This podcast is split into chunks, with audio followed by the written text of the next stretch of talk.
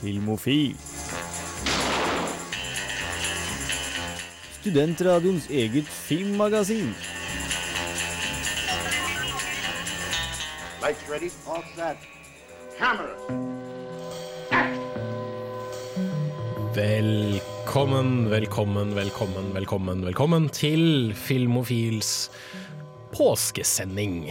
Og eh, som du sikkert hører på bakgrunnsmusikken, så prøver vi å sette litt ekstra påskestemning i denne spesialutgaven av Filmofil. Vi skal rett og slett gå gjennom veldig mange anmeldelser av veldig mange filmer, som du kan se på video eller på kino i løpet av påsken. Og vi skal også snakke litt om alternativer til den tradisjonelle påskekrimmen. Mitt navn er Jens Erik Våler. Med meg i studio har jeg Kristine Eriksen. Hei sann! Hei, hei. Hvordan er påskeformen? Den er god. Du eh, gleder deg til ferie? Ja, gleder meg til ferie veldig. Det skal bli kjempegodt. Kristian Wallervann og Gaute Eliassen har forrådt oss, dessverre, og tatt seg tidlig påskeferie, men det skal de selvfølgelig få lov til. For vi klarer jo å holde fortet ganske greit, vi også. Gjør vi ikke det, Kristine? Ja, det tror jeg. Ja, og selvfølgelig skal det også bli eh, ukas eh, filmlåt, eller blir vel påskens eh, filmlåt for øvrig, og litt annen godprat om film, selvfølgelig. Eh, vi eh, kjører i gang aller først, vi med Band of Skulls, You're Not Pretty But You Got It Going On. Du hører på Filmofil på Radio Revolt. Hei, det her er Josten Pedersen på Radio Revolt. Radio Revolt, 12 points.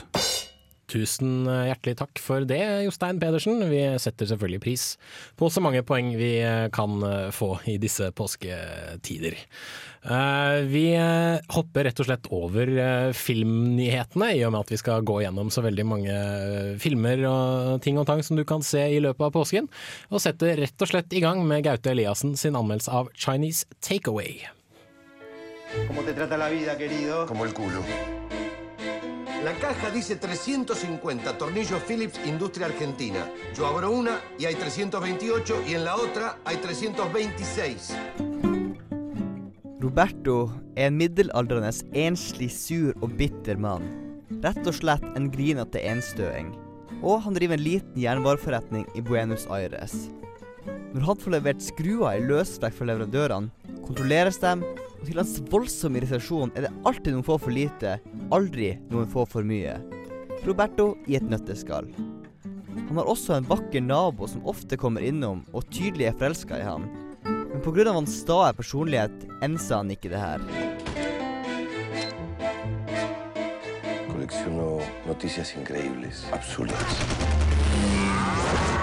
En dag plukker han opp en kineser som ikke kan et ord spansk. Han har nok hjertevarme til å ikke kaste ham ut på gata, og blir derfor mot sin vilje samboer med en hjelpsom kinemann.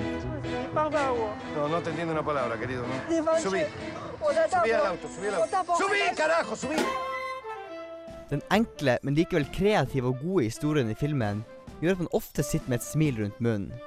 Det stadig utviklende forholdet mellom kineseren og Roberto er en underholdende affære, og det er enkelt å le av ironien i mange av situasjoner som oppstår. Le está hablando en chino. ¿Cómo que no entiende? Yo hablar cantonés, él habla mandarín, idiomas diferentes. La gran puta. ¡Eh! ¡Gran puta! ¿Entiende?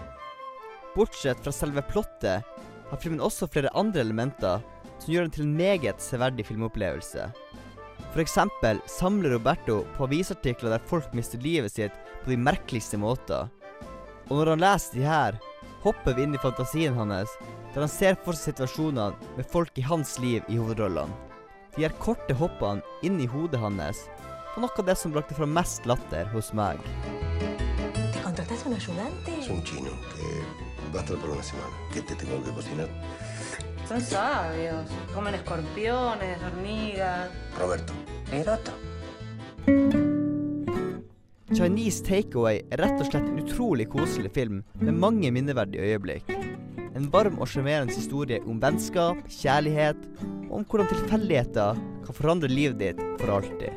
Terningkast fem. No, no, no. Prende la luz. Prende la luz. Prende la luz, carajo. Pump this, pump this, pump this. So you should pump this shit like they do in the future. So you should pump this shit. Roaches, loner with hoes great. A Cobra got a tone, but a boat out the borough post haste. Der hørte du LP med The Full Retard, og før det fikk dere Gaute Eliassens anmeldelse av Chinese Takeaway, som eh, er å se på kino nå i påsken. Eh, Vi går videre fra en eh, Den var vel argentinsk, tror jeg, til en eh, svensk, holdt jeg på å si. Til en fransk film som du har sett, Kristine, nemlig Police. Ja. Og jeg så traileren til den filmen, og det, det virker litt som en sånn svart komedie til tider, ut fra traileren å dømme. Ja, det, jeg så den i ettertid, traileren, og den, den virker rett og slett som den skal være mer morsom enn seriøs, men det var den ikke. Men det, samtidig så veit jeg jo ikke helt det, da, av at vi får litt problemer med språket her, tror jeg. Og det blir Noen ganger så kan vi ikke helt forstå om det er sarkasme eller ikke. og jeg et, altså, sånn som jeg så filmen, så tok jeg den seriøs, med innblikk av menneskelighet. Da. De, altså, de hadde det gøy til tross for den seriøse jobben de måtte gjøre. Men samtidig så kan det jo ha vært mye svart humor som gikk rett over huet mitt. Tror du franskmennene er eh, sånn svart humor-entusiaster? Det veit jeg ikke, det kan de godt være. Jeg har ikke sett nok fransk film for å bedømme det. ja, da får Kristine hjemmelekse til neste gang og se mer fransk film. Vi hører anmeldelsen av Police.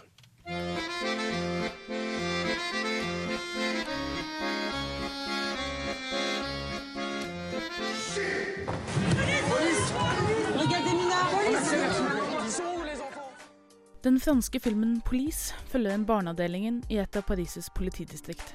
De tar seg hovedsakelig av seksuell og voldelig misbruk av barn.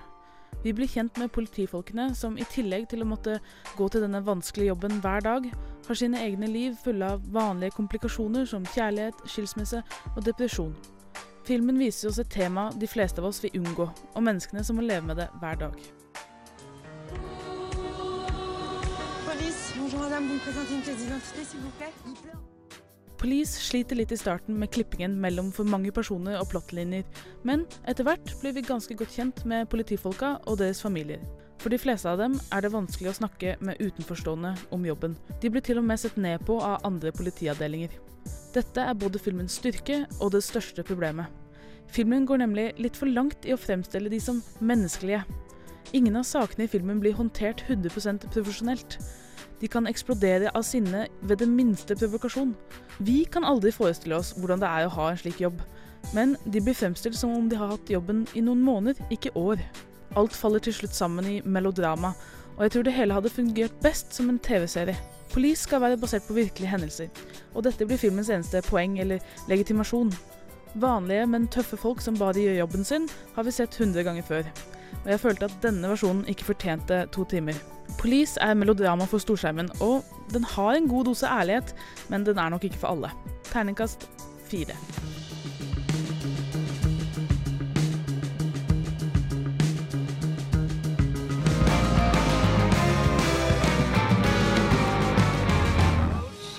Well, we're going, we don't need roads.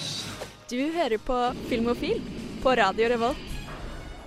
Det stemmer, du hører på Filmofil, og du hørte Seid med Decode The Glow. Og før det fikk du Kristines anmeldelse av franske filmen Police, som kan ses nå i påsken.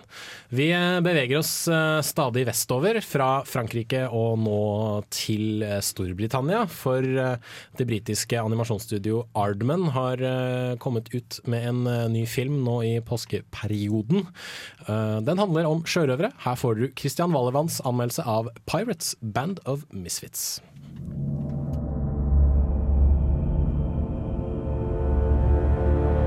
When tales are told of pirates, their vicious nature, and their ruthless ways, one pirate is more feared than them all. Piratene tar for seg piratkapteinen og hans mannskap. Piratkapteinen har ett mål og ønske i livet, å vinne den gjeveste prisen av alle, nemlig årets piratpris. Uheldigvis for han er piratkapteinen og hans mannskap ganske lusne pirater, og det hjelper ikke på at rivalene hans er helter innen piratmiljøet.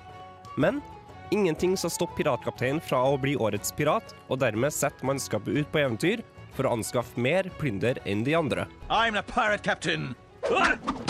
And I'm here for your gold. Gold? Afraid we don't have any gold, old man. This is a leper boat. See? Med Piratene forventa jeg nok en 3D-dataanimert film for de små. Jeg ble derfor positivt overraska når det viser seg at Piratene er en god gammeldags stop motion-animasjonsfilm fra Ardman Studios, det samme studioet som sto bak Wallace and Gromit.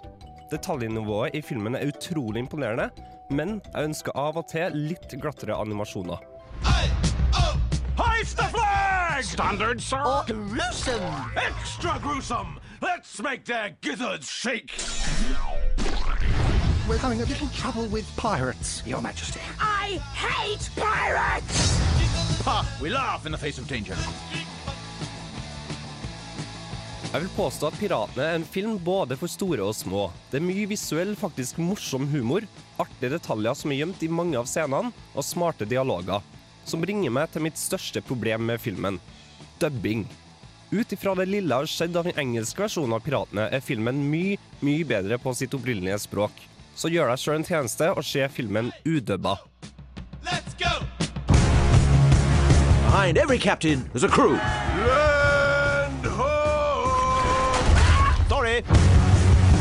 Sure, some of you are as ugly as a sea cucumber. Uh, some of you are closer to being a chair or coat rack than a pirate. And some of you are just fish I've dressed up in a hat. Sett bort ifra dårlig dubbing er Piratene å anbefale. Mest er små, men også store. Med veldig detaljrike figurer og miljøer viser Armen Studios at det fortsatt er liv i stop motion-stilen, sjøl om jeg skulle ha ønska litt bedre animasjoner. Men det her er absolutt tilgivelig. Om du likte Chicken Run eller Wallace and Gromit, så vil du nok også finne glede i Piratene. Yar! Terningkast fire. Can we get there? Well, yes. But unfortunately, there's this dirty great sea monster in the way. I think they just add those onto maps for decoration. Is that a fact?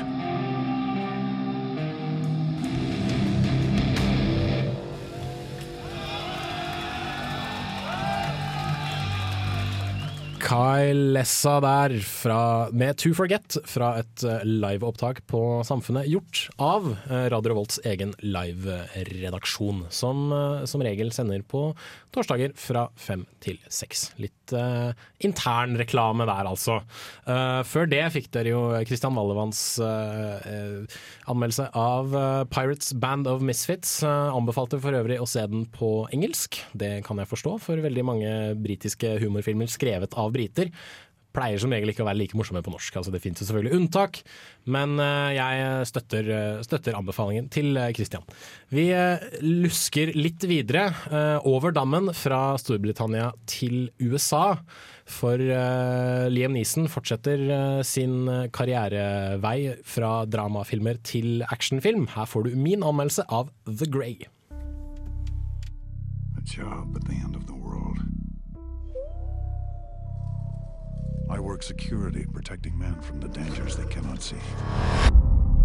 There's not a second goes by when I'm not thinking of you in some way. Hardbarka og brutale menn mot en enda hardere og mer brutal natur. Slik er The Grey best oppsummert i én setning. Liam Neeson spiller Otway, en gråsprengt og ensom skarpskytter som jobber for et stort oljefirma i nordre Alaska. Hans jobb er å holde de mange ulvene i området vekk fra arbeiderne, mens de jobber på de store oljeledningene. Etter sin siste arbeidsdag skal Otway og de andre oljearbeiderne fly sørover mot Anchorage, men selvsagt går alt fullstendig åt skogen.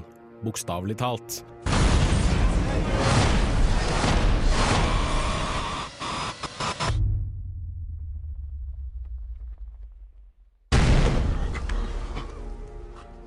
Flyet styrter, og Otway blir strandet sammen med seks andre i Alaskas isøde. Dette er starten på en stadig eskalerende kamp for tilværelsen, der sult, isolasjon og kulde ikke er det farligste de sju har å stå imot. Når natten faller på, begynner nemlig ulvene å jakte på våre helter.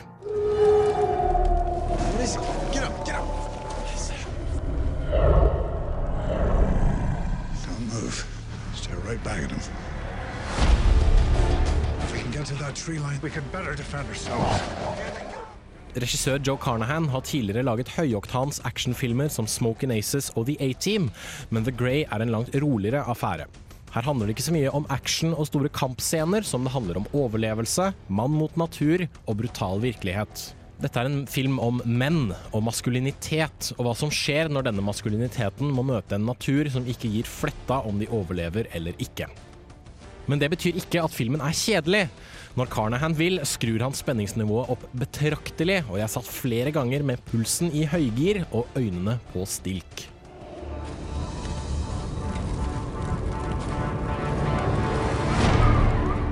We need a fire. Then we find food. If we don't move and work now, we're all freeze to death. Liam Neeson fortsetter sin overgang fra dramatisk rolig skuespiller til dramatisk rolig actionhelt i The Grey, og klarer å tilføre rollen som Otway de mengder patos som må til for at jeg har trua på han.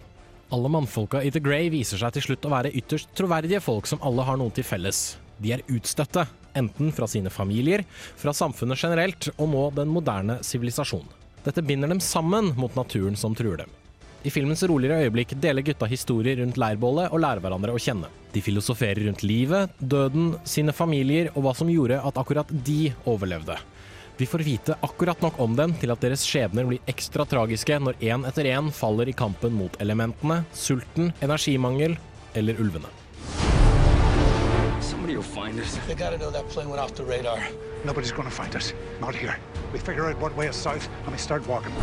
This will be one of those wild stories you tell at a party. Den kalde naturen skildres ypperlig, der sveipende kameraføringer viser oss den golde villmarken på sitt mest vakre og brutale på samme tid.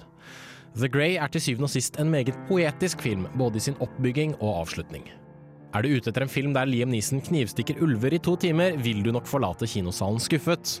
Men vil du se et solid karakterdrama med mesterlig spenningsoppbygging og en briljant Liam Neeson i en av sine aller beste roller, er The Grey absolutt verdt å se. Terningkast fem.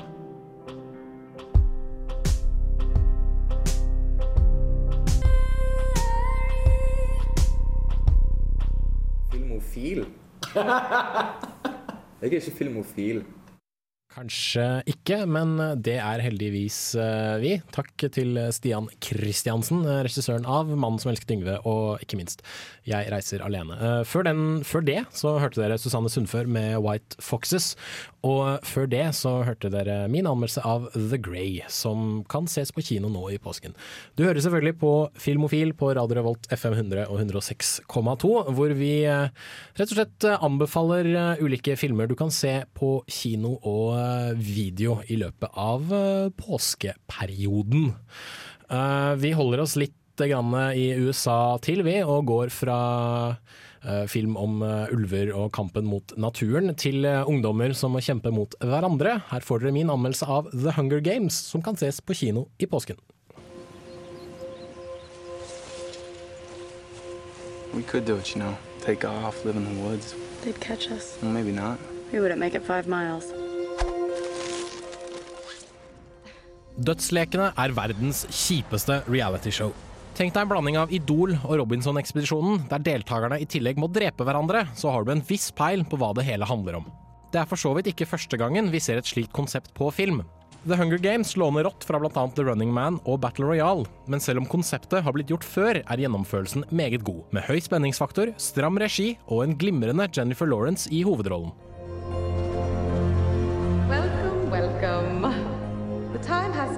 To select one courageous young man and woman for the honor of representing District 12 in the 74th annual Hunger Games.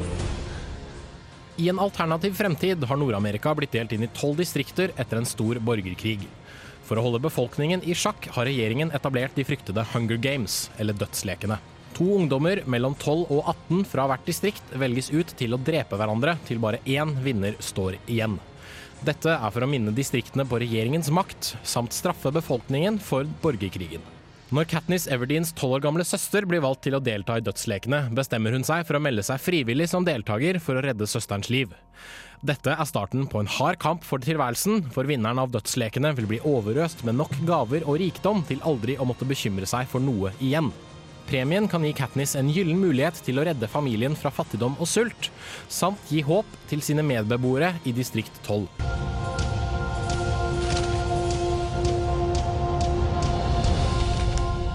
Primrose Everdeen. Prim! I volunteer! I volunteer as tribute! Jennifer Lawrence spiller rollen som Katniss og gjør enda en glimrende skuespillerjobb som en sterk, ung kvinne som også har menneskelige feil. Hun gjør en troverdig figur og spiller Katniss som en sta og irritabel jente som har måttet vokse opp altfor fort for å kunne ta vare på familien sin. Far er vekk, og mor er katatonisk. Vi får oppleve spillet gjennom Katniss' øyne, og ikke minst reisen dit, og bli vitne til både den fysiske og psykiske påkjenningen dødslekene har på sine deltakere. Josh Hutcherson spiller rollen som Pita Millark, den andre utvalgte fra Distrikt 12. Han og Jennifer Lawrence har god kjemi sammen, men han blir litt anonym ettersom det er Katniss historien fokuserer på. I de øvrige rollene møter vi en strålende Stanley Tucci som glatt talkshow-vert, en fargerik og tøysete Elizabeth Banks som deltakerrepresentant, og en ravende Woody Harroldson som forfylla mentor. Det er tydelig at alle koser seg, og da spesielt Stanley Tucci, da de mer alvorlige rollene har blitt gitt til mye yngre skuespillere. Det betyr for så vidt ikke at noen av dem ligger på latsiden av den grunn. What did you say to your sister when you volunteered at the reaping? I told her that I would try to win for her. And try you will. Som actionfilm fungerer The Hunger Games ganske godt, med flere høydepunkter i løpet av filmens 120 minutter. Problemet er bare at tiden mellom disse høydepunktene går veldig sakte. Spenningskurven blir derfor litt lav, men da de virkelig interessante og spennende scenene dukket opp, ble jeg sugd inn i filmens univers. Noe som ikke skjer spesielt ofte. Klippingen og cinematografien i actionscenene kunne allikevel vært bedre. Kamera svaier som en full sjømann i storm, og klipperytmen er så kjapp at det er vanskelig å få med seg hva som skjer før det hele er over. Jeg forstår at dette er et grep regissøren gjør for å sette oss i situasjonen til de unge deltakerne, men godt filmatisk arbeid er det nødvendigvis ikke. Her legger jeg skylden på filmens elleveårsgrense, som virker litt for lav for de brutale handlingene vi ser i løpet av spillets gang. Barn dreper barn, og det blir ofte litt ekkelt å se på. This is the time to show them everything. Make sure they remember you. The Hunger Games er en gripende sosial satire om håp, svik, ung kjærlighet, samarbeid, overlevelse og medienes manipulative kraft. Den er også en velspilt spenningsfilm med mye sjarm og flere scener som kommer til å sette en støkk i deg, til tross for den litt lave handlingskurven. The Hunger Games har fått meg til å hungre etter mer, og jeg setter stor pris på at oppfølgeren allerede har blitt annonsert. Terningkast fem. Willie B. Ali. So. Ab Soul der, Shown Love på Filmofil på Radio Revolt FM 100 og 106,2, hvor vi eh, fortsatt anbefaler filmer du kan se på kino i påsken.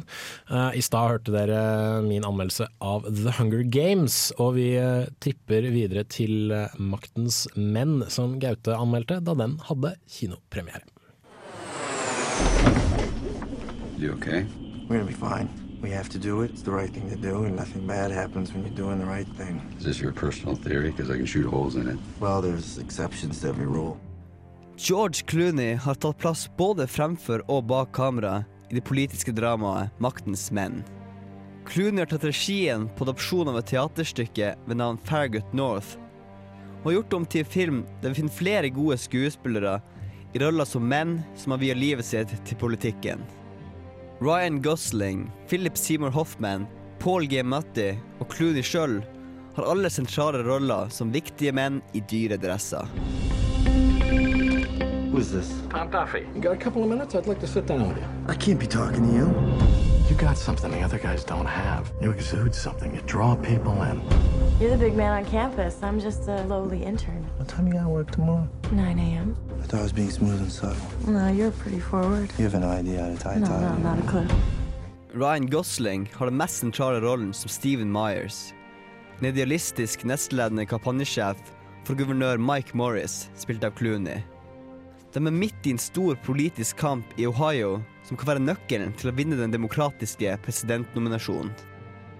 Når motstanderen sin kampanjesjef byr Steven en jobb i hans stab, unnlater Steven å fortelle det her til sjefen hans. Og akkurat når denne lille unnlatelsen blir avslørt, får Steven fatt på en skitten hemmelighet som kan ødelegge hele karrieren til guvernør Morris. You got the best media in the country.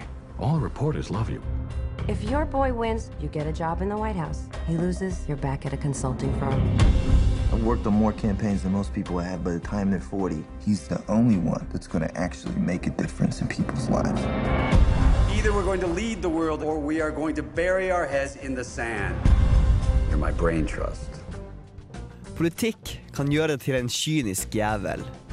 Og det her får maktens menn veldig godt fram. Selv den mest lovlydige politiker må en gang iblant ty til skitne knep for å komme dit man vil. Filmen underbygger også mange av fordommene vi har til forskjellige arbeidsgrupper. Reportere og journalister overdriver og legger til falskheter og rykter for å lage en bra sak. Politikere lyver når det kan føre til flere stemmer. Og menn med mye makt bruker kvinner som sexleketøy. You are for the wrong man. I want you to work for us. Paul's my friend. There's only one thing I value in this world, and that's loyalty. Without it, you're nothing. You want to work for the friend, or do you want to work for the president? I don't have to play dirty anymore. I got Morris. Som det egentlig sier seg sjøl når filmen er i sjangeren politisk drama, er det her ikke på noen måte et adrenalinkick av en film. Det går rolig for seg i svingene. Man har ingen problemer med å få med seg handlingsforløpet. Det her underbygger kanskje litt politikernes væremåte. Man kan aldri gå over hektene uansett hvor dårlig ting går. I met with Tom Duffy yesterday. What? I just didn't think it was Oh, it doesn't matter what you thought. It matters what you did. It matters what you didn't do. I'm in. I'm coming to work for you. Revenge makes people unpredictable. We can't have that. What if I had something else? Like what? Something big. Det som gjør Maktens menn verdt å se, er at den alltid opprettholder en anspent spenning, som gjør at man alltid lurer på hva det neste trekket til karakterene blir, og hvordan utfallet blir deretter. Spenning og politikk går ikke alltid så godt hand i hand, men denne gangen funker det heldigvis. Terningkast fire. Integrity matters. Our future depends on Or say anything if I believe in it, but I have to believe in the cause.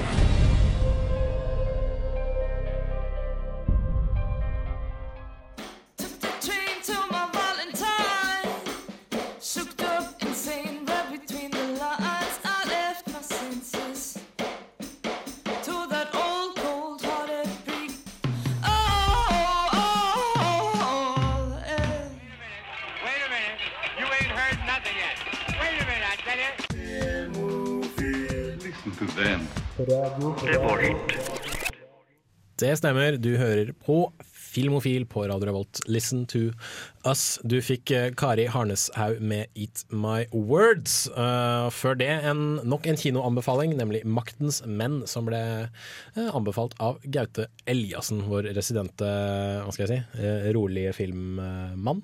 Ja. Han er rolig, men han, det funker. Ja, men han liker rolig film. Han, han syns sånn store, dumme, teite filmer sånn som Iron Sky er litt teit. Ja, men han Men- har liksom stemmen til det, tror jeg. Så han, det passer. Han Ikke har- sant? Hele han passer til rolige filmer. Han burde vært i rolige filmer. Men uh, Hugo, det er jo ikke en stor og teit film. Nei, den er bra på alle måter, tror jeg. Det er vel en stor og, og koselig film? Den er så koselig og søt og bare vekker alle mulige barnslige følelser. Og, ja. Ble du litt nostalgisk? Ja, du ble på en måte nostalgisk for en, for en tid du aldri har opplevd. På en måte. Du fikk litt lyst til å være Ja, der, når du var liten og leika sånn, løp rundt i skogen og sånne ting, så på en måte litt den at du kan gjemme deg i sånne steder som ingen ville finne deg, og liksom inni vegger og sånne ting. Det er, eh, ah, det bare så gøy. Vi hører på Kristine Eriksen anmelde Hugo, som nå går på kino.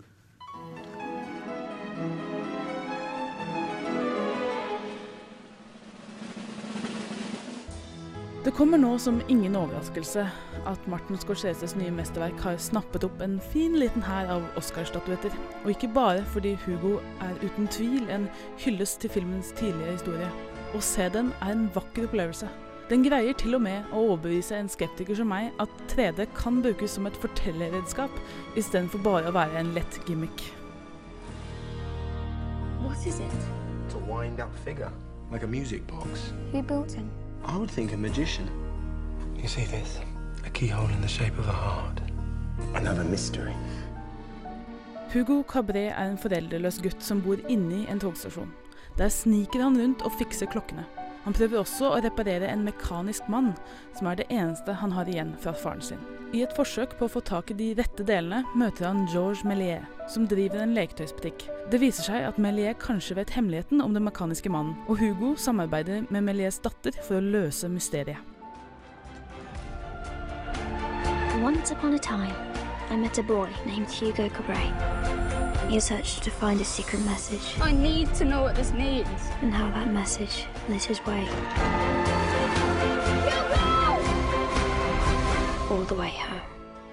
For enhver som har et nysgjerrig barn gjemt inni seg, er Hugo en fryd å oppleve. Scorsese blander historie og eventyr, og forteller det på en måte som får meg til å tenke på de episke filmene jeg elsket som barn kanskje mest The Pagemaster, som også er et eventyr om eventyr. Hugo fikk meg til å føle en sterk nostalgi for en tid jeg aldri har opplevd. Denne wow-følelsen kommer aller mest fra hvordan Paris er gjenskapt. 3D-effekten brukes på en måte som endelig fikk meg til å tenke ja, dette er faktisk bedre i 3D enn i 2D. Det er som en legomodell i starten, og så suser vi inn i eventyrbyen, og så er den plutselig rundt oss. Men jeg må advare de som, som meg, har problemer med 3D. De har ikke fiksa teknologien med dette. Og noen scener sliter enda med et fokusproblem som kan gjøre en liten prosent av oss kvalme. Neverland and Oz and Treasure Island all wrapped into one. Sure about this? We could get into trouble. That's how you know it's an adventure. My life has taught me happy endings only happen in the movies. The story's not over yet. Historien sliter kanskje også litt med fokus, da mest i starten. Dette er klart småpirk, men når man vil fortelle en historie om det å fortelle historier, og når den skal inneholde sine egne historier, kunne kanskje en mer kronologisk start ha hjulpet oss. Men det er absolutt verdt å vente til du virkelig har kommet inn i verden. For hvis du legger igjen den kyniske versjonen av deg selv ved døra, vil Hugos kjærlighet for film smitte over. Jeg vil helst ikke si mer om denne filmen, fordi her må nysgjerrigheten bevares for å virkelig bli dratt med. Det må sies at Hugo ikke bare er en film for filmelskere. Den handler like mye om hvordan vi skal huske å drømme som gamle, og å alltid tro på vår egen fantasi. Terningkast fem.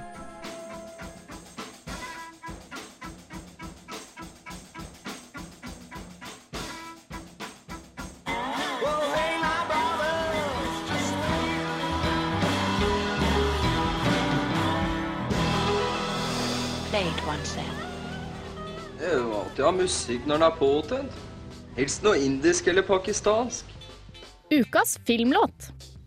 Det stemmer, vi skal til ukas filmlåt. Vi tar en aldri så liten pause i filmanbefalingene her på Filmofil for å bringe dere litt god filmmusikk. Eh, dere hørte forresten Woodland med The Devil On Your Shoulder uh, i stad, men uh, nå skal vi egentlig til noe helt annet, skal vi ikke det Kristine? Ja, så langt unna som vi kan komme. fra noe countryinspirert til, til noe litt annet. Ja, vi skal til Daft Punk, og Oh. vi har tatt fra filmen Tron Legacy, heter den vel? En ganske så OK film. Ja, jeg er, veldig, jeg er ganske glad i den. Jeg er enda jeg er gladere i originalen, selvfølgelig. Ja, jeg er stor, selv, egentlig. stor, stor Tron-fan, eh, men eh, det skal sies at eh, Daft Punk i den nye er bra. Altså. Det er god stemning. De, det er, det er, altså, de, de har jo all musikken til filmen, har de ikke Mm, det? ja, hele soundtracket er Daft Punk. Og det er denne scenen som vi skal ta herfra, De-Resed, hvor det er en sånn klubbscene. Og det er, eh, det er bare stilig. Altså, du får sånn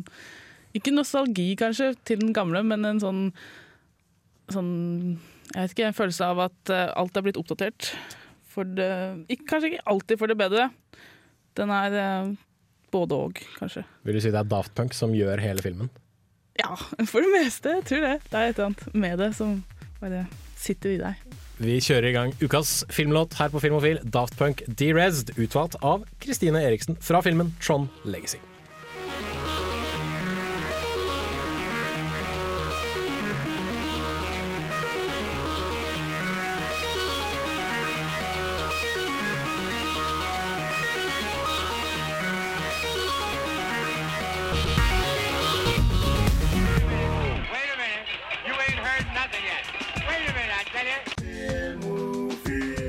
You. Listen to them.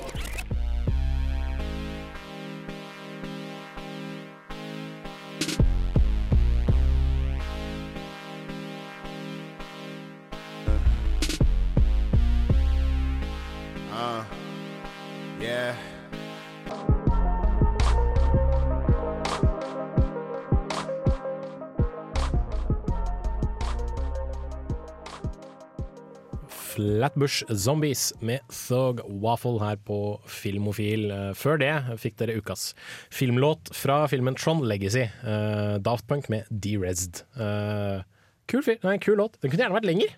Ja, egentlig. Litt mer sånn omf, men uh, scenen er såpass kort også, så du må liksom tilpasse alt sånn. Uansett, eh, vi er ferdig med å anbefale film som går på kino, og begynner å anbefale ting som fins på video. Eh, da den hadde kinopremiere, anmeldte Christian Valervann 'Cowboys and Aliens', så hvorfor ikke ta en kikk på den i påsken? I woke up in the desert. Like I've been dropped out of the sky. You got a name? I don't know. Året er 1873. I Arizonas øde villmark våkner Jake Lonergan, skada og med hukommelsestap. Han vet ikke hvem han er, hvorfor han er der, eller hva som har skjedd. Det eneste som er knytta til hans fortid, er et armbånd han har på seg. I need to know where you came from. So do I. You don't remember anything. Lonergan kommer seg til den lille gruvebyen Absolution, en by som er drevet av den frykta diktatoren Woodrow Dollarhide, som har uferdig oppgjør med Jake Lonergan. Men hevn må fort legges til side når byen blir angrepet av utenomjordiske skrapninger. Dollarhide, Lonergan og byens modige danner et oppbud mot de uønska gjestene, og med hvert sitt motiv rir de sammen om seier. What in the hell were those things? Why are you asking me? They've got my son. My wife. I need that weapon. It's the only thing that counts. Cowboys and Aliens er en film som kombinerer to av de feteste entitetene i filmens verden. Cowboyer av den ville vesten og sinte skapninger fra en annen planet med en agenda om å utslette menneskeheten. Problemet er bare det at det føltes veldig gimmicky ut. Man kunne like godt bytte ut cowboyene med moderne militærstyrker, og filmen hadde vært mer eller mindre den samme. Grab your guns. We're right now. Med en film som Cowboys and Aliens så forventer man klassisk western action og heftig sci-fi alien action. Men regissør John Favreau, mannen bak bl.a. Iron Man og Iron Man 2, leverer dessverre bedre på sci-fi-fronten enn han gjør på western-fronten. Jo da, som en actionfilm så er det her helt greit, og mange checkboxer har blitt kryssa ut. Heftige eksplosjoner, hevn, klisjeer, snappy kommentarer, romanse på sida, rivaler som sammen må kjempe for å overvinne en større trussel i jakten på identitet. Det meste er her, og det er to underholdende timer. Men jeg savna litt flere western-element, og jeg lurer fortsatt på hvem som hadde vunnet en pistolduell mellom menneske og alien. At Cowboys and Aliens, en film det er lagt mange gullmynter i, er det ikke tvil om. Både Steven Spielberg, Daniel Craig, Harrison Ford, Olivia Wilde og Sam Rockwell er alle navn som signerer denne filmen, og de utfører den jobben de skal. Skuespillerbesetninga gjør en god jobb i å fylle godt skrevne roller, og det var ekstra morsomt å se Harrison Ford som den frykta Woodrow Dollarhide. Alt i alt så var dette en underholdende actionfilm, men med en twist som kunne ha blitt bedre utnytta. Hvis du vil se en god western, se True Grit eller The Good, The Bad and Ugly. Hvis du vil ha en fet sci-fi, se Independence Day. Hvis du vil ha en skikkelig god western sci-fi, se serien Firefly. Men hvis du vil ha en underholdende actionfilm med en original vri, så kan du godt se Cowboys and Aliens, men vit at de er best hver for seg. Terningkast fire.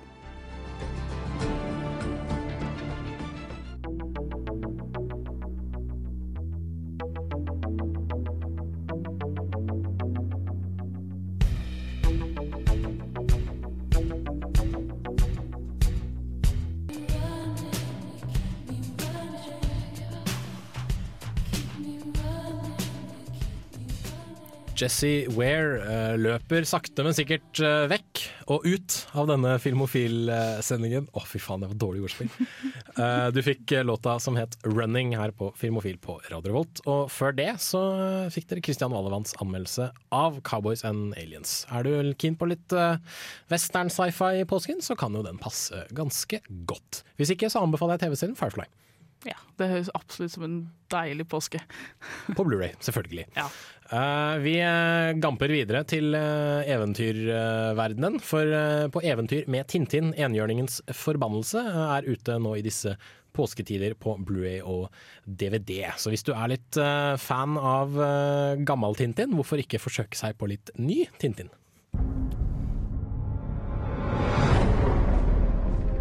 I don't think you realize this, but you're about to walk into a whole mess of danger.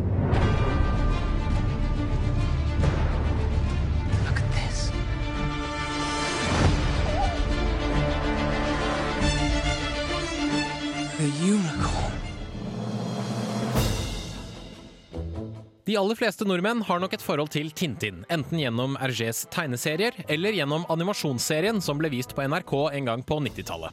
Jeg ble derfor litt skeptisk da det viste seg at Hollywood hadde fått tak i Tintin og skulle adaptere tegneserien til filmlerretet. Ville den gamle magien være der fortsatt, eller ville den belgiske journalisten bli nok en brikke i Hollywood-maskineriet? That's a very unique specimen, that is.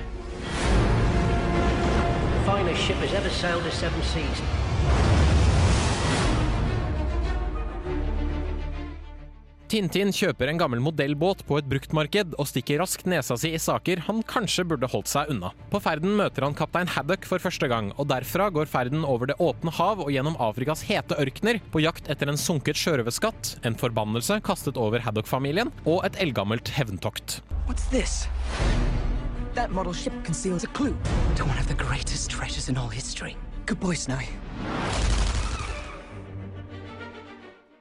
Som nevnt var jeg skeptisk, men det var mye ved Tintin som virket utrolig lovende. Regi av Steven Spielberg med Peter Jackson på produksjonssiden. Manus skrevet av Steven Moffat, Edgar Wright og Joe Cornish. Banebrytende motion capture-teknologi. Detaljrik animasjon. Musikk av selveste John Williams. Sett alle disse bitene sammen, og du får et ganske skuffende og lite spennende eventyr som dessverre ikke lever opp til forventningene. Never fear, Tintin. The evidence is safe with us. Thompson, what are you? Oh, well, I, I'm already downstairs. Do try to keep up. Den første varsellampa kom da jeg faktisk så hvordan Tintin skulle se ut. Det var som om noen hadde satt hodet til en femåring på kroppen til en 25-åring og forstørret det slik at det skulle være proporsjonalt. Han ligner rett og slett ikke på seg selv, noe som er synd når resten av karakterene er såpass like sine opprinnelige tegnede versjoner. Den andre varsellampa begynte å blinke da jeg fant ut at filmen var dubbet. De nye norske stemmene gjør absolutt en god jobb, men med et manus skrevet av britiske manusforfattere for britiske stemmer, gjør at det hele passer ganske dårlig på norsk. Uansett hvor gode dubberne eller oversetterne er.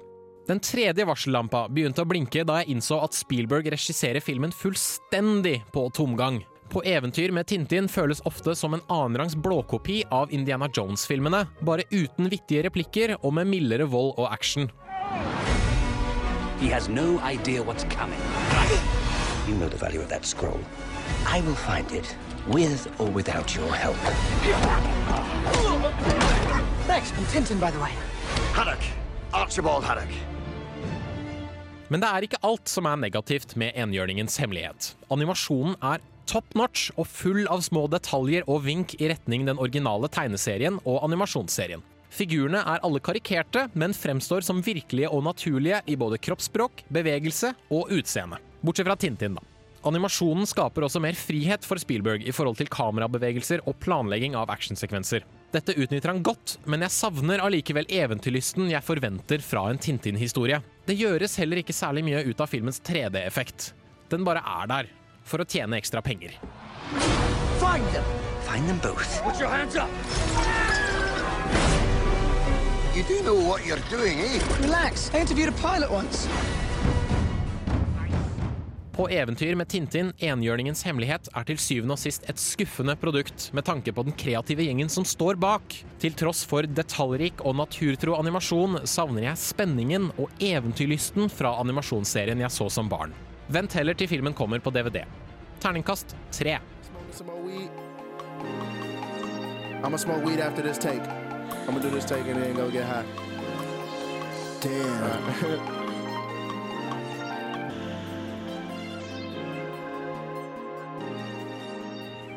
Sir Michael Rocks, Out the Jam. Uh, han røyka sikkert litt weed etter at, filmen, etter at låta var ferdig. Den spøken dro jeg forrige uke også. Nå skal jeg ikke dra den spøken noen gang igjen her på Filmofil på Radio Volt. FM 106,2.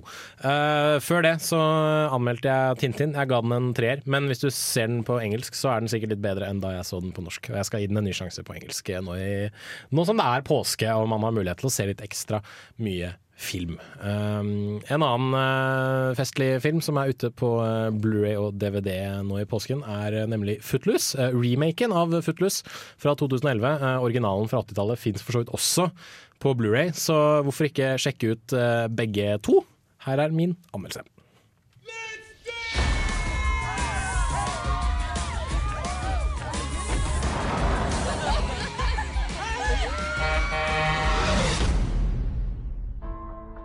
We cannot be missing from our children's lives.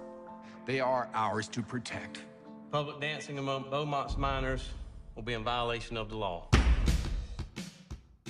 Nostalgien for 80-tallet er tydeligvis sterkere enn aldri før, da spesielt i filmens verden. Footloose er nok en remake av en av de største 80-tallsklassikerne. Denne nye versjonen tar det som gjorde originalen en morsom guilty pleasure, og oppdaterer den for Glee-generasjonen. Filmen er glattbarbert, ufarlig og uten særlig brodd, men innehar nok selvironi, energi og pur danseglede til at det hele blir pokker så underholdende. Litt sexy er filmen også. Mama, it's Ren. He's here. I appreciate you taking me in. I really want to pull my own weight around here. If you can get this baby running, she's all yours. 17 år gamle Ren McCormack, spilt av Kenny Warmold, flytter til den søvnige småbyen Beaumont etter at moren dør av leukemi. Beaumont viser seg å være et noe spesielt sted. All form for dans og rockemusikk har blitt forbudt etter at en gjeng tenåringer døde etter en vill fest. Jævlig kjipt for Ren, da han er den fødte danseløve. Public dances against the law if you're under 18 in Beaumont. Are you kidding me? What do people do here? Just hang out? Yeah, and other stuff. Samtidig forelsker han seg i Ariel, spilt av Julianne Howe, den opprørske datteren av pastor Shaw Moore, spilt av Dennis Quaid. Ren blir fast bestemt på å få dama og gjeninnføre dansens gleder til Beaumont. Vil han lykkes? Vel, det er en remake av en feelgood 80-tallsfilm, så hva tror du? What's the deal with the preacher's daughter? You think I'm small town, huh? She worth all that attitude? You want to see something? Opprinnelig var jeg veldig skeptisk. Den originale Footloose er en av mine største guilty pleasures. Selv om jeg ofte himlet med øynene og slengte ut sarkastiske replikker i filmens retning, tok det ikke lang tid før jeg innså at jeg faktisk brydde meg om både figurene og handlingen. Og så rista det godt i rockefoten også. Jo da, det hele er litt platt og uoriginalt, men regissør Craig Brewer klarer å fange ånden til originalen og oppdatere den for et moderne publikum.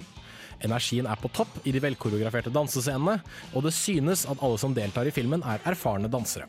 Kenny Wormold har jobbet som backupdanser for bl.a. Madonna og Justin Timberlake, og er ikke bare en habil danser, men også en ganske sjarmerende skuespiller. Han har ikke spesielt mye å jobbe med, sånn rent karaktermessig, men han får meg til å like Ren McCormack som person. Han har også en fantastisk utstråling som han kan komme langt med i fremtiden. He's cute. You think everybody's cute. Hey, watch where you're going, little guy. Sorry, man, I didn't see it. Where are you from? You talk funny. I talk funny? Mm-hmm. You should hit you from my end. What's up, man? I'm Willard. I'm Ren. McCormick. Denne nye versjonen av Footloose er oppriktig nok med det teite premisset til at jeg kjøper det, men også selvironisk nok til at det aldri blir for latterlig eller parodisk. Det er en hårfin balansegang, men regissør Craig Brewer har funnet den. Til tross for en teit historie og flate figurer, lot jeg meg sjarmere av Craig Brewers nyinnspilling av Footloose. Dette er fortsatt en guilty pleasure, men jeg anbefaler den like varmt som originalen. Terningkast fem.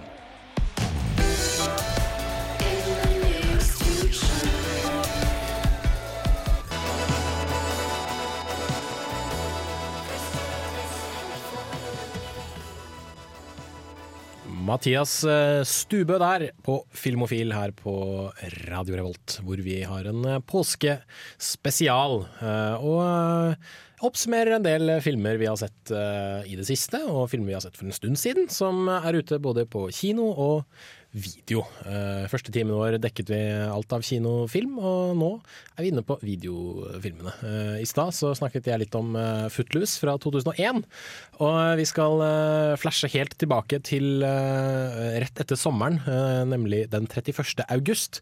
Da hadde filmen Oslo 31. august premiere. Den gikk jo etter hvert videre til bl.a.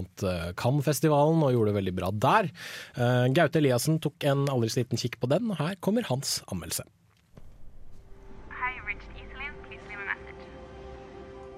Hei, Iselin. Det er meg igjen. Eh, jeg vet jeg har sagt mye før, og sånn, men jeg har det bedre nå. så jeg har det. Du kommer til å se det. Hva gjør man når man får tilbringe ett døgn i hjembyen sin etter et lengre opphold på en avrusningsklinikk? I Oslo 31. august følger vi Anders og hans første døgn som rusfri person i Oslo på flere år. En by som ikke lenger er så stor etter å ha tilbrakt hele livet sitt bosatt der. Anders har bekjentskap og minner på hvert eneste hjørne.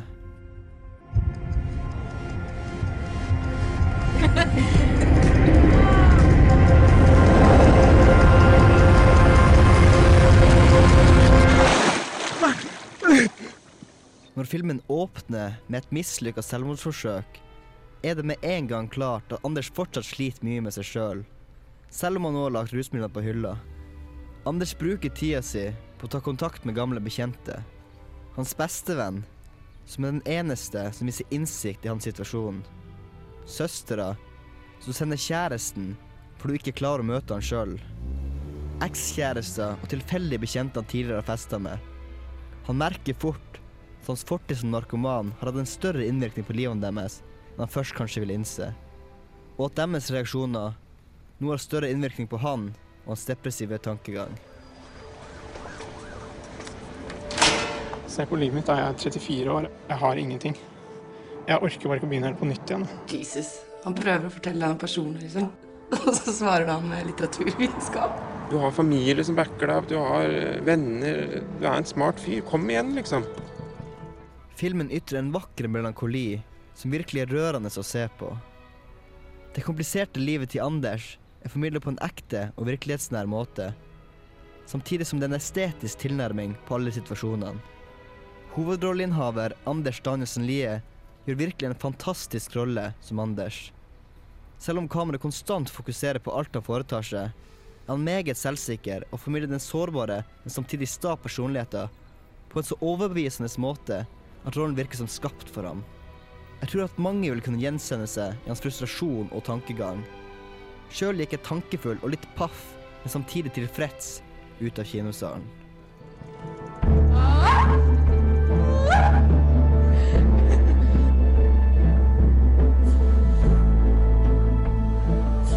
Det kommer til å bli bedre. Alt kommer til å ordne seg. Gjør ikke det, vet du. Regissør Joakim Trier har virkelig skapt noe spesielt og meningsfullt med sin nye film, og brakte fram følelser av meg på en måte jeg ikke trodde film kunne. Oslo 31. august er den beste norske filmen jeg har sett på lenge. Jeg følte meg så til stede under filmen at jeg til tider lot være å blunke i frykt for å gå glipp av alle de små detaljene som er med på å gjøre det her til en nesten perfekt film. Jeg har ingenting å utsette på noe som helst. En fantastisk filmopplevelse.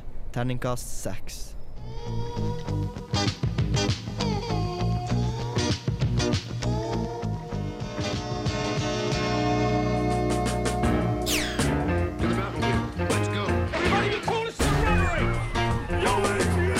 Dette er Filmofil. Film, fjernsyn, skuespillere, kamera, action. Ja, rubb og stubb her på Radio Revolt. Det stemmer, du hører på Filmofil. Du fikk i stad Mac The Marco DeMarco, faktisk. Ikke The, men The. Uh, med I'm a Man. Uh, det tviler jeg strengt tatt ikke på at han er.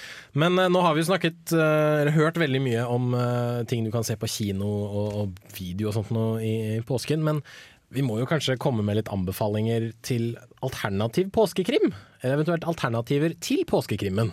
Ja, For uh, jeg ser strengt tatt ikke Altså Nordmenn ser mye krim i jula, men jeg er ikke sånn kjempekrimfan sånn egentlig. Ikke jeg heller. Jeg er dårlig, dårlig med krim. Jeg selv må liksom se i påska, for det er, det er liksom en del av det. Så du kommer ikke unna det. Så det blir liksom foil og Poirot og de vanlige. Men det er jo, det man, det er jo ting man har sett 100 ganger før. Ja. Så vi i Filmofil tenkte vi kunne gi litt alternativer til påskekrimmen. Vi har rett og slett plukket ut uh, tre ting uh, hver, har vi ikke det? Ja.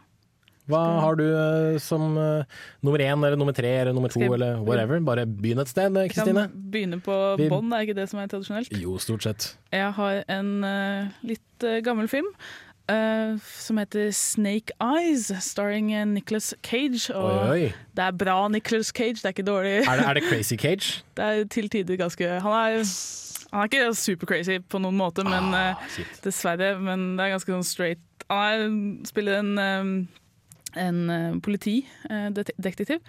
Så eh, skal han på en sånn stor sånn eh, boksekamp, da. Eh, og så viser det seg at han så blir en Det er vel en diplomat eller et som blir skutt av en sniper, og så skal han Han syns han greier å se at det er liksom de, Det er noe mystisk her. det er noe som ikke stemmer, og han, det er vel broren som er, som er der også. Han er, han er sånn høyere oppe i CIA eller et eller annet sånn government job. Da. Så han er liksom Han har offisiell investigation, mens han Nick eh, Cage han syns at det er ikke alt som Den investigation går ikke som den skal, på en måte. Så han han driver sin egen eposi, da. Og så driver og løper rundt inni dette svære komplekset. Det er ganske gøy og ja, Jeg, jeg syns det var ganske ålreit sånn type film, da. Så hvem, har, hvem har gjort det, hvem er det som egentlig er på din side-opplegg. Hva har du som uh, nummer to?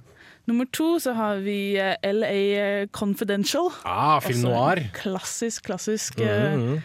Nå er vi virkelig inne i liksom krim og kriminalitet og sånt nå. Nå er det absolutt det, Og det er, det er liksom Hvis du har spilt LA Noir, så er det her fi- filmversjonen, kanskje.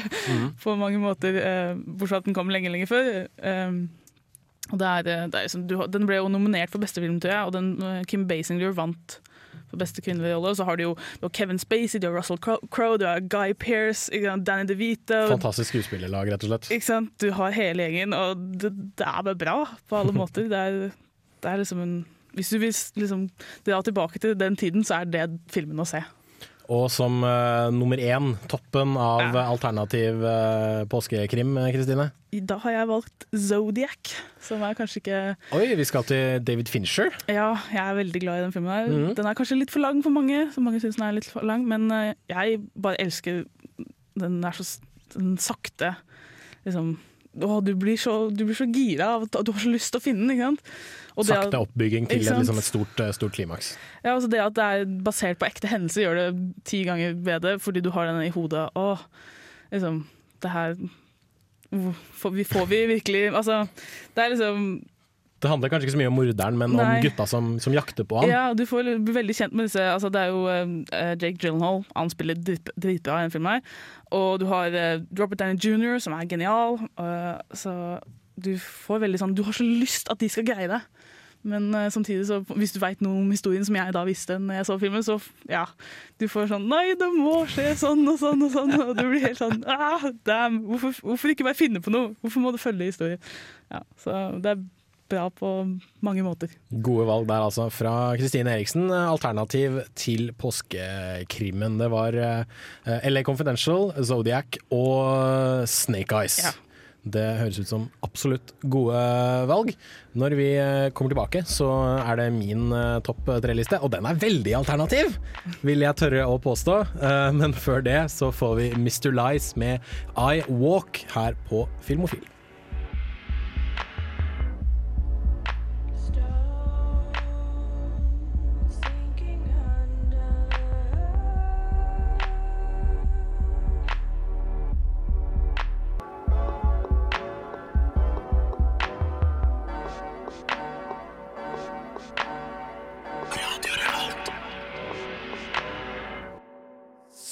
Mr. Lies der med I Walk på Filmofil på Radio Volt FM 106,2, hvor eh, vi snakker om alternativer til eh, tradisjonelle påskekrimen. For når du er lei Poirot Taggart og, og Dalil og Pasco foil. og Foil og Jeg jeg vet, hvem- jeg vet ikke hvem disse gutta heter, jeg, men, eller hva disse gutta heter. Så er det kanskje andre ting du, som kan være verdt å se.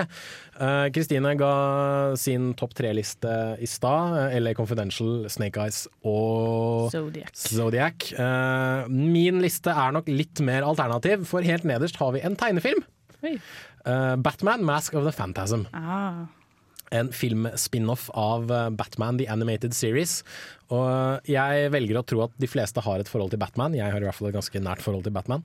Uh, her får vi et uh, Før liksom Batman Begins begynte å gå inn på liksom, the origin story osv., så, videre, og så, videre, så her får vi rett og slett Batmans origin story. Eh, mens han eh, prøver å finne uh, identiteten til denne nye superskurken som har dukket opp i Gotham og dreper uh, kriminelle overhoder, nemlig The Phantasm. Veldig spennende, veldig inspirert av tysk ekspresjonisme, veldig mye harde skygger og liksom typisk noir-følelse som man forbinder med Batman. Så derfor, hvis du er glad i animasjon og god film generelt, anbefales Batman The Mask of the Phantasm. Eh, videre så har jeg valgt ut en TV-serie, for eh, påsken handler jo delvis om denne påsketuren.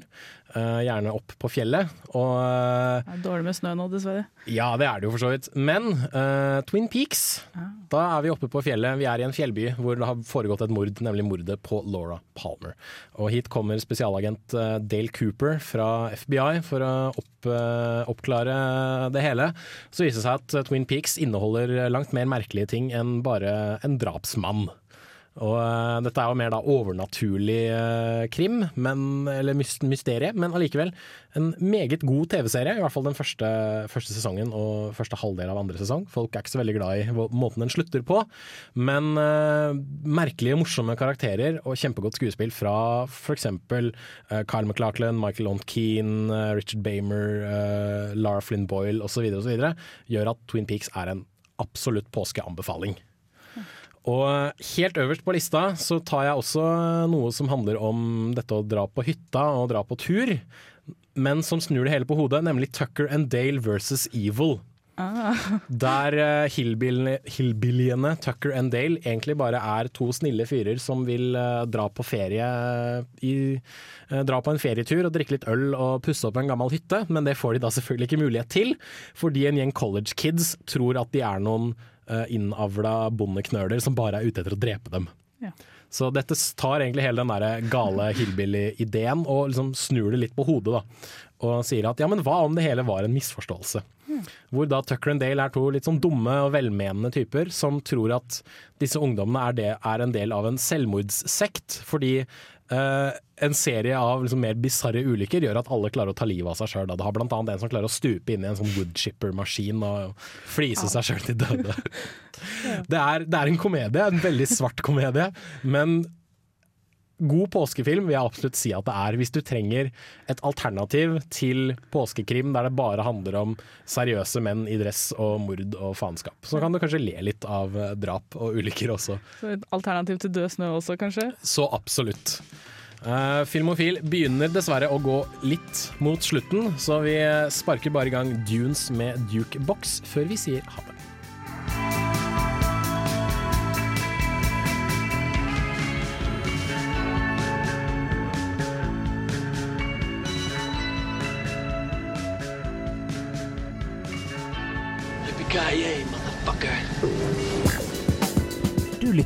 Filmofil på Radio Revolt. Besøk oss gjerne på våre nettsider på radiorevolt.no. Der finner du meldinger av kino- og videopremierer, og i tillegg podkast av alle våre sendinger. Har du ris eller ros, tips eller triks, kontakt oss gjerne på elektronisk post. Filmofil, krusedullalfa, radiorevolt.no. Det stemmer, du hører på Filmofil, som kjapt begynner å gå opp for eh, tid i denne påskespesialen. Eh, kjapt oppsummert, vi har uh, hatt veldig mange anmeldelser av veldig mange filmer du kan se på kino og video i løpet av uh, påsken. Jeg gidder rett og slett ikke oppsummere alt sammen, for da vil det ta altfor lang tid. Men bare løp ut i påsken, se kino, se video og kos deg, rett og slett. Mitt navn har vært Jens Erik Våler. Med meg i studio har jeg hatt Kristine Rokkan Eriksen. Ha det bra. Vi ønsker dere en meget trivelig og hyggelig påske sammen med familie, venner og alt mulig annet rart. Eh, Dagens tekniker har vært Kjersti Anderdal Bakken. Hun har gjort en fantastisk god eh, jobb. Og eh, da tror jeg vi bare kan si god påske, og avslutte med Horse Feathers Fit Against the Country. Our hands got the shakes. Swear our back's about to break.